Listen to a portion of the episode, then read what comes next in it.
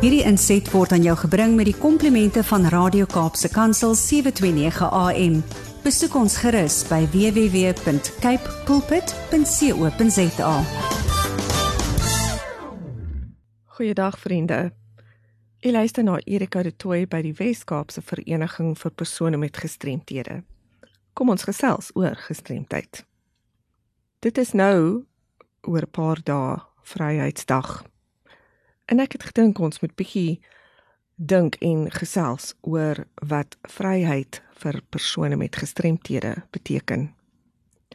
Ons dink dalk gestremdheid is 'n nuwe konsep. Het mense nie altyd toestande gehad wat hulle verhinder het om onafhanklik te wees nie? Sekerlik, solank as wat daar mense op aarde was, was daar diegene wat een of ander vorm van beperking ervaar het. As ons terugdink aan antieke tye deur die insig wat antieke skrifte vir ons gee, sien ons dat selfs baie eeue gelede was beperkings deel van menslike diversiteit. Die Bybel noem baie gevalle van mense met melaatsheid, epilepsie, blindheid of gehoorverlies. Maar gereelde luisteraars na hierdie program sal weet dat om blote beperking te hê nie outomaties beteken dat die persoon 'n gestremdheid het nie. Die Wetskrif oor die regte van persone met gestremthede erken gestremdheid as 'n ontwikkelende konsep en gaan voort om te sê: Ek haal aan. Gestremdheid word deur die samelewing opgelê wanneer 'n persoon met 'n fisiese, psigososiale, intellektuele, neurologiese en of sensoriese gestremdheid toegang tot volle deelname aan alle aspekte van die lewe geweier word en wanneer die samelewing versuim om die regte en spesifieke behoeftes van individue met gestremthede te handhaaf. Kom ons kyk nader na diegene met gestremthede wat in die Bybel genoem word. Waar is die mense gevind? Mense met melaatsheid is na 'n gebied weg van die stad verban en uit hul families uitgesluit sodat niemand anders die siekte sou opdoen nie. Hulle is gedwing om saam met ander met dieselfde siekte saam te leef of hulle die mense geken het of nie en is nie toegelaat om op enige manier te werk of hulself te onderhou nie.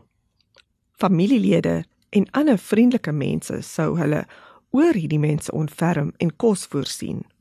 In wese het hulle gewag om genees te word en diegene wat aan die siekte gesterf het, het dit alleen en sonder al familie gedoen.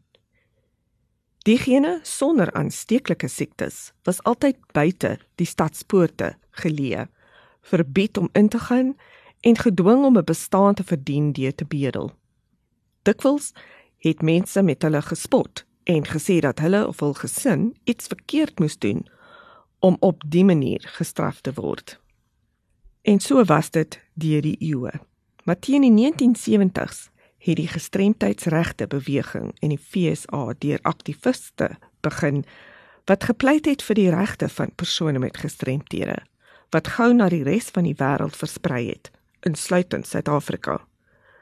Natuurlik het Suid-Afrika se nuwe grondwet in 1994 en die aanvaarding van die Verenigde Nasies se konvensie oor die regte van persone met gestremthede in 2007 die weg gebaan vir baie groter insluiting van persone met gestremthede. Maar ongelukkig is daar nog 'n groot hoeveelheid werk wat voorlê. Ons vind steeds dat persone met gestremthede nie so sigbaar in die samelewing is nie. Hulle word soms weggesteek deur hul gesinne wat dalk skaam is vir die stigma wat hulle in hul gemeenskap in die gesig staar. Daar is groot fokus op die mediese professie om hul sogenaamde siekte te genees. En die enigste raad wat gegee word, is dat die persoon in 'n groepshuis woon, nie al eie gesin kan hê nie en om vir 'n ongeskiktheidstoelaag aansoek te doen. Neem asseblief kennis. Beide mediese praktisyns en residensiële fasiliteite het 'n belangrike rol om te speel. Maar behoort ook nie die enigste opsie te wees wat aan die persoon gegee word nie. Ons moet onsself vra: Geniet persone met gestremthede dieselfde regte en vryhede as ander? Kry hulle gelyke geleentheid vir kwaliteit onderwys? word hulle op 'n gelyke basis in diens geneem en bevorder. Is hulle vry om openbare fasiliteite en vervoer onafhanklik te gebruik sonder die behoefte aan hulp? Hoe behandel ons mense op grond van hul verlies en sodoende hul vryheid weg te neem? Ek wonder ook partykeer hoeveel dit werklik oor die eeue verander. Nou ja, dis alwoor vir ons vandag tyd het.